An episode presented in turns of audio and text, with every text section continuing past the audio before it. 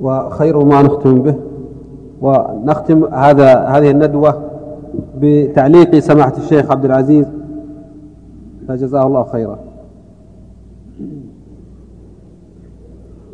بسم الله الرحمن الرحيم. الحمد لله وصلى الله وسلم على رسول الله وعلى آله وأصحابه ومن اهتدى بهداه.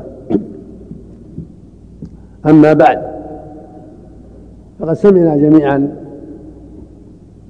هذه الندوة المباركة التي تولاها صاحبها الفضيلة الشيخ محمد بن حسن الدراعي والشيخ حسين بن عبد الله العبيدي. جزاه الله خيرا وضاعف مثوبتهما وزادنا وإياكم وإياهما علما وهدى وتوفيقا. وقد أجاد وأفاد وبين أمر الاستقامة وشأنها وموضوع الاستقامة موضوع عظيم. الاستقامة هي الدين كله. وقد بين حقيقة الاستقامة ووجوبها على جميع المسلمين وعلى جميع المكلفين أيضا أن يدخلوا في دين الله وأن يستقيموا عليه. فالاستقامة شأنها عظيم في الدنيا والآخرة كما سمعتم.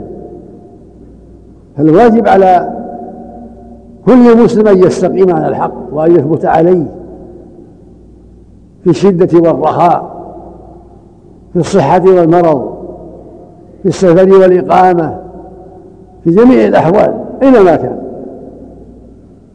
لأن الله أوجب عليه أن يتمسك بدينه وأن يثبت عليه حتى الموت فليس له أن يروى عنه يمينا ولا شمالا.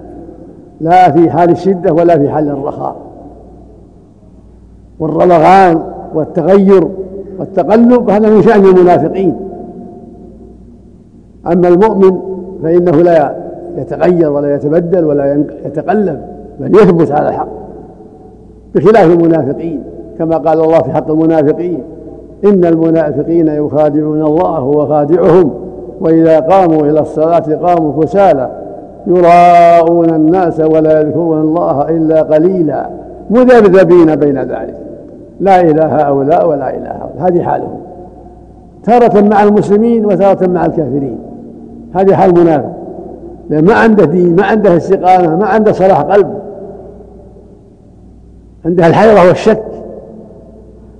فإذا صار النصر للمسلمين والدائرة لهم صار معهم.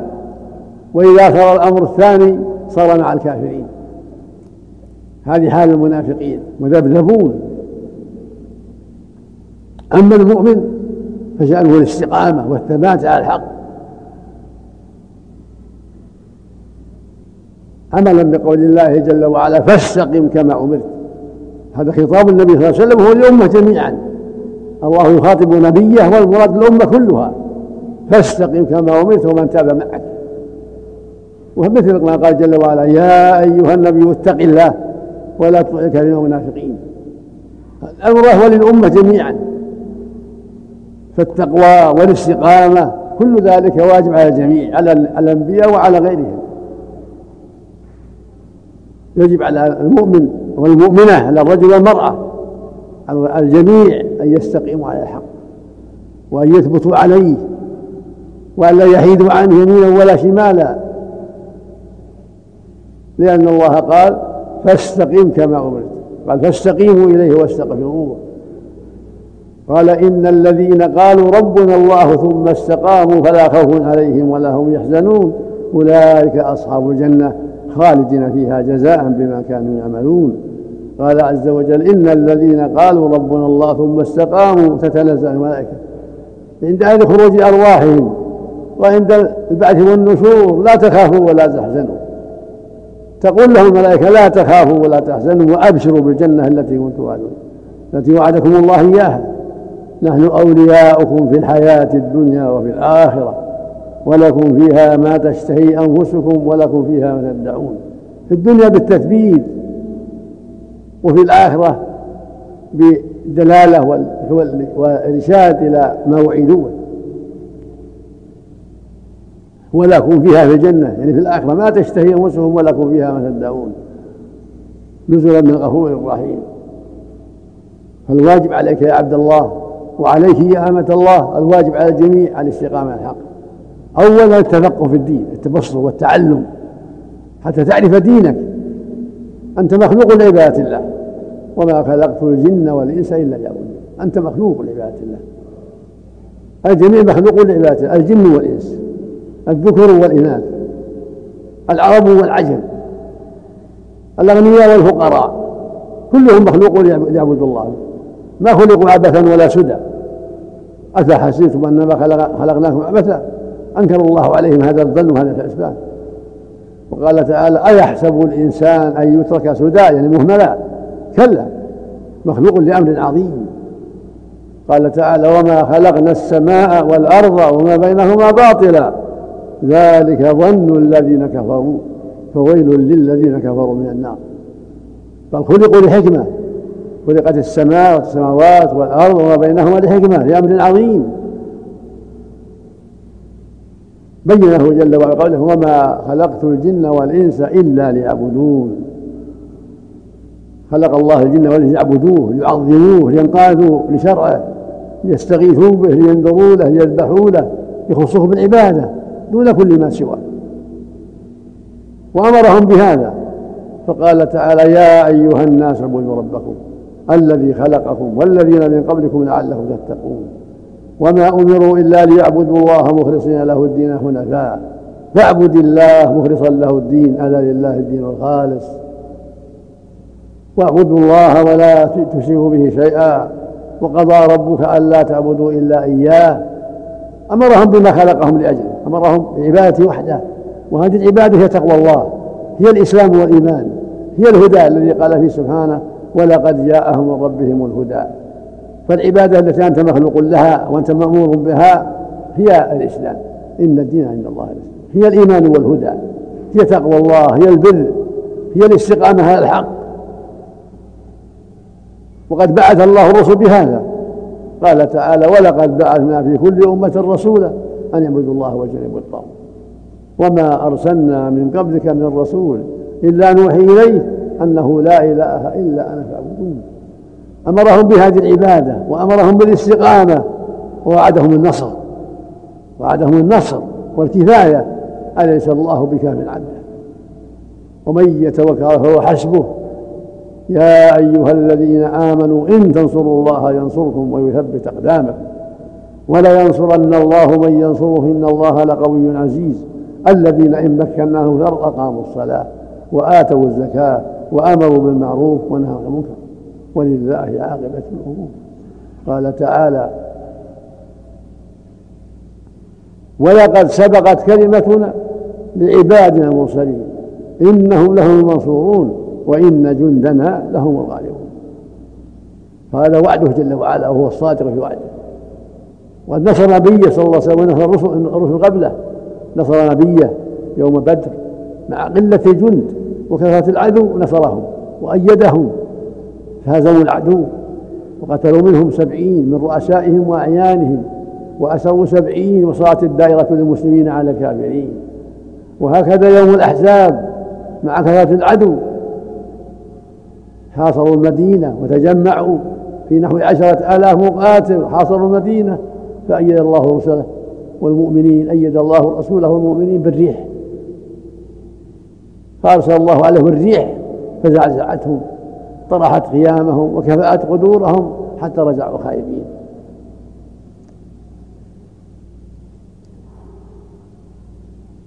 وهكذا يوم الفتح غزاهم في بلادهم. ودهمهم في بلادهم في مكة ونصره الله عليهم وفتحها عنوة بدون مشقة وبدون قتال.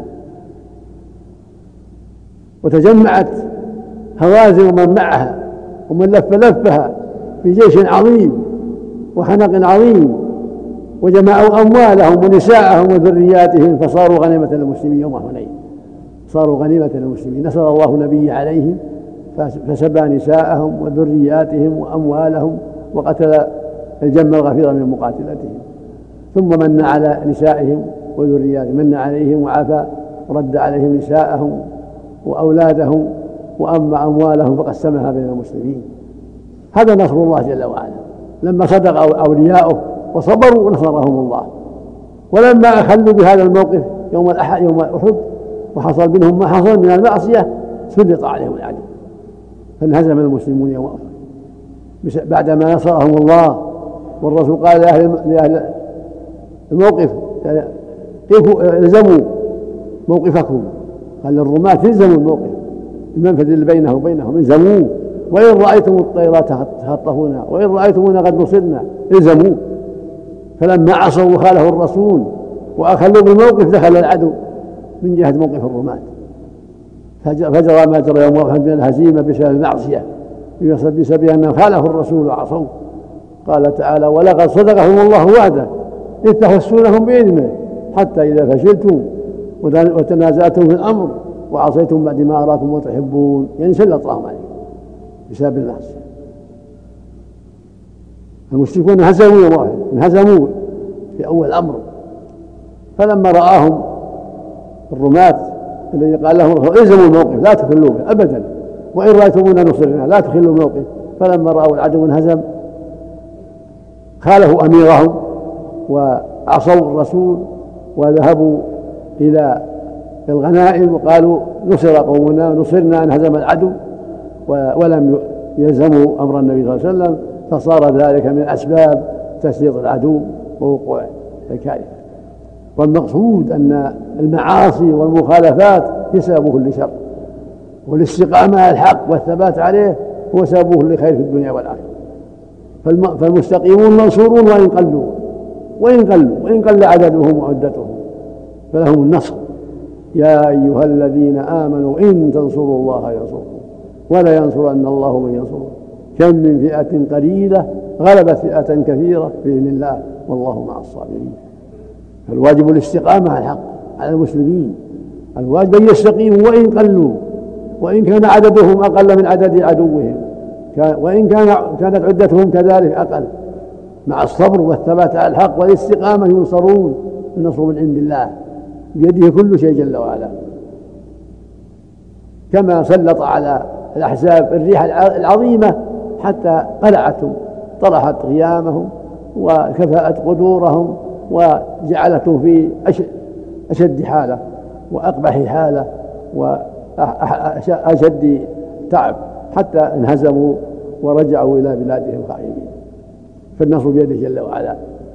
إنما أمره إذا أراد شيئا يقول له كن فيكون سبحانه. فالواجب على كل عبد يستقيم على الحق. هذه الدار دار العمل دار الفتن دار الامتحان. فالواجب الحذر والواجب الاستقامة. يا أيها الذين آمنوا خذوا حذركم ويحذركم الله نفسه. يجب على المؤمنين رجالا ونساء ملوكا وأمراء وعامة يجب على الجميع أن يستقيموا على الحق وأن يثبتوا عليه وأن يلزموه وأن ينصروه وأن يحاربوا ما خالفه. بكل ما يستطيعون. هذا دين الله. هذا هو عليهم وبذلك ينصرهم الله في الدنيا ويدخلهم الجنة في الآخرة. فالاستقامة مش مش معنى الاستقامة معناها الثبات على الحق. الاستقامة معناها الثبات على الحق ولزومه بطاعة الله وترك معصيته والتعاون على البر والتقوى والتواصي بالحق والأمر بالمعروف والنهي عن هذه الاستقامة يعني لزوم الحق من الأمير والصغير والرجل والمرأة. الواجب الجميع أن يلزموا الحق وأن يستقيموا عليه وأن يتعاونوا في هذا وأن يتواصوا بهذا. لأن الله يقول وتعاونوا على البر والتقوى. ويقول والعصر إن الإنسان لفي خسر إلا الذين آمنوا وعملوا الصالحات وتواصوا بالحق وتواصوا بالصبر. ويقول سبحانه والمؤمنون والمؤمنات بعضهم أولياء بعض. يأمرون بالمعروف وينهون عن المنكر. ويقيمون الصلاة ويؤتون الزكاة ويطيعون الله ورسوله. أولئك سيرحمهم الله. إن الله عز وجل بين أسباب الرحمة. والنسب من الرحمة. ودخول الجنة من الرحمة. فأسباب الرحمة في الدنيا والآخرة الاستقامة على دين الله. وأن تكونوا أحباء أولياء. كل واحد يوالي أخاه يأمره بالمعروف ينهى عن المنكر يأمره بالحق ويزجره عن الباطل ينهاه عن الباطل ويأخذ على يد السفيه. هكذا المؤمنون يأمرون بالمعروف ينهون عن المنكر. رجالهم ونساؤهم متحابون في الله صابرون على الحق آمرون بالمعروف نهون عن المنكر. أينما كانوا بالحكمة والموضة الحسنة والرفق والجزاء بالتي أحسن. فبما رحمة من الله لنت لهم ولو كنت فظا غليظ القلب لانفضوا من حولك. ويجب الاستمرار والثبات أبدا حتى الموت. يجب الاستقامة والاستمرار في الحق والثبات عليه في حال الشدة والرخاء. في جميع الأحوال حتى الموت. على الواحد وعلى الجماعة على الفرد وعلى الجماعة وعلى الجند وعلى الأمراء وعلى القضاة وعلى العلماء وعلى العامة وعلى الرجال والنساء. الواجب على الجميع أن يستقيموا على الحق. والحق هو ما بعث الله به رسوله عليه الصلاة والسلام. ما دل عليه كتاب الله وتوحيد الله والإخلاص له وطاعة أوامره وترك نواهيه. والوقوف عند حدوده هذا هو هذا هذه الاستقامة. وأهم شيء بعد الشهادتين هذه الصلاة عمود الإسلام. تجب المحافظة عليها والعناية بها من الرجال والنساء وأن تؤدى في أوقاتها الرجل, الرجل يؤديها في الجماعة في المساجد والمرأة تؤديها في البيت في وقتها الفجر والظهر والعصر والمغرب والعشاء. هذه الصلوات عمود الإسلام. هي أعظم الأركان وأعظم الفرائض بعد الشهادتين. فتجب العناية بالصلاة وعليك يا عبد الله مع أهلك ومع أولادك ومع عمالك وخدمك. عليك أن تهتم بهذا الأمر وأن تستقيم على هذا الأمر وأن تلزمهم بأداء ما أوجب الله وأن يؤدوا الصلاة في وقتها الرجل مع الجماعة والمرأة في البيت. وهكذا الجيران فيما بينهم والزملاء فيما بينهم يتعاونون. وهكذا المسلمون جميعا في كل قرية وفي كل بلد وفي كل مكان وفي الطائرة وفي السيارة وفي الباخرة أينما كان. يجب التعاون على البر والتقوى والاستقامة على الحق والتواصي به حتى الموت. هذا شأن المؤمنين وهذا واجبهم أينما كانوا. ولهم بهذا عند الله الخير العظيم والأجر الجزيل والثواب العظيم والذكر الجميل والنصر على الأعداء والعاقبة الحميدة في الدنيا والآخرة. متى استقاموا؟ كما بين لنا ربنا. يا أيها الذين آمنوا إن تنصروا الله ينصركم ولا ينصرن الله من ينصره. إن الله لقوي عزيز. ثم بين أعمالهم. أعمال المنصورين. الذين إن مكناهم في الأرض. أقاموا الصلاة. بدأ بها لعظم شأنها. ما بعد الشهادة إلا الصلاة. الذين إن مكناهم أقاموا الصلاة. وآتوا الزكاة. وأمروا بالمعروف. ونهوا عن هذا الأمر العظيم. أمروا بالمعروف. ونهوا عن المنكر. جعل بعد الصلاة والزكاة هنا. وفي الآية الأخرى قدمه على الزكاة والصلاة. قال والمؤمنون والمؤمنات بعضهم أولياء بعض يأمروا بالمعروف وينهون عن المنكر ويقيمون الصلاة قدم عليها. وفي الآية الثالثة قدم على الإيمان لعظم شأنه فقال كنتم خير أمة أخرجت للناس. تأمر بالمعروف وتنهون عن المنكر وتؤمنون بالله. قدم على الإيمان لعظم شأنه شدة الحاجة إليه بين المسلمين.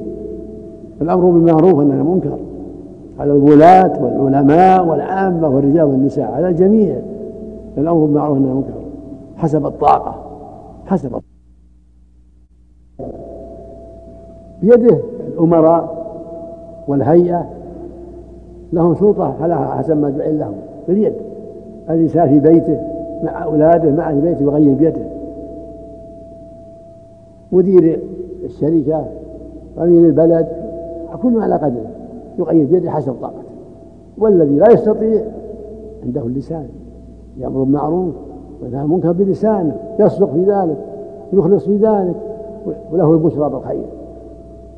فإن عجز عن ذا ولا أنكر بقلبه كره المنكر وقام عن أهله ما حضرهم ما يجلس معهم على المنكر. إذا كان لا يستطيع يهوم يهوم لا يجلس معهم. عندهم شرب الخمر لا يجلس معهم. عندهم آلات الملاهي لا يجلس معهم. يأكلون الربا لا يجلس معهم ولا يتعاون معهم على الربا وهكذا. ينكر بلسانه بيده إذا كان عنده قدرة فإذا كان ما ليس من أهل اليد أنكر باللسان. وإذا كان ما عنده قدرة باللسان أنكر بالقلب. ومن إنكار القلب أن يقوم عن المنكر. لا يحضر. قال تعالى وإذا رأيت بين في آثارنا فأعرض حتى يخوضوا في حديث غيره. إنكم إذا مثلهم. المقصود أن أن الواجب على الإنسان إذا حضر منكر ألا يجلس مع أهله. إذا لم يستطع إنكاره باليد واللسان فليقل فلا تقعد بعد الذكرى مع القوم الظالمين. وقد نزل لكم كتاب أن إذا سمعت آيات الله يكفر بها ويستهزأ بها فلا تقعدوا معهم حتى يخوضوا هذا إنكم إذا مثلهم.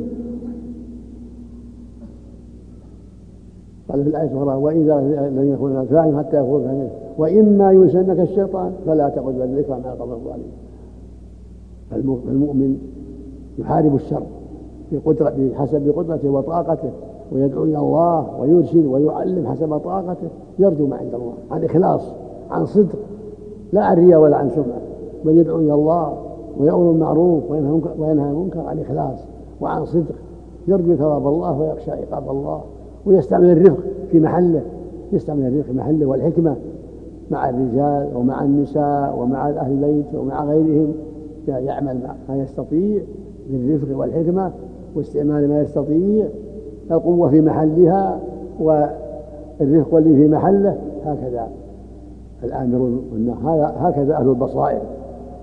الشدة في محلها مع القدرة عند عند ظلم العبد وعدم نفع الكلام اللين معه كما قال الله جل وعلا ولا تجادل على الكتاب إلا بالتي أحسن إلا الذين ظلموا إذا ظلم له شأن آخر وإلا فالواجب الرفق والعناية بالكلام الطيب والجدال بالتي أحسن لأن هذا أجدى وأنفع.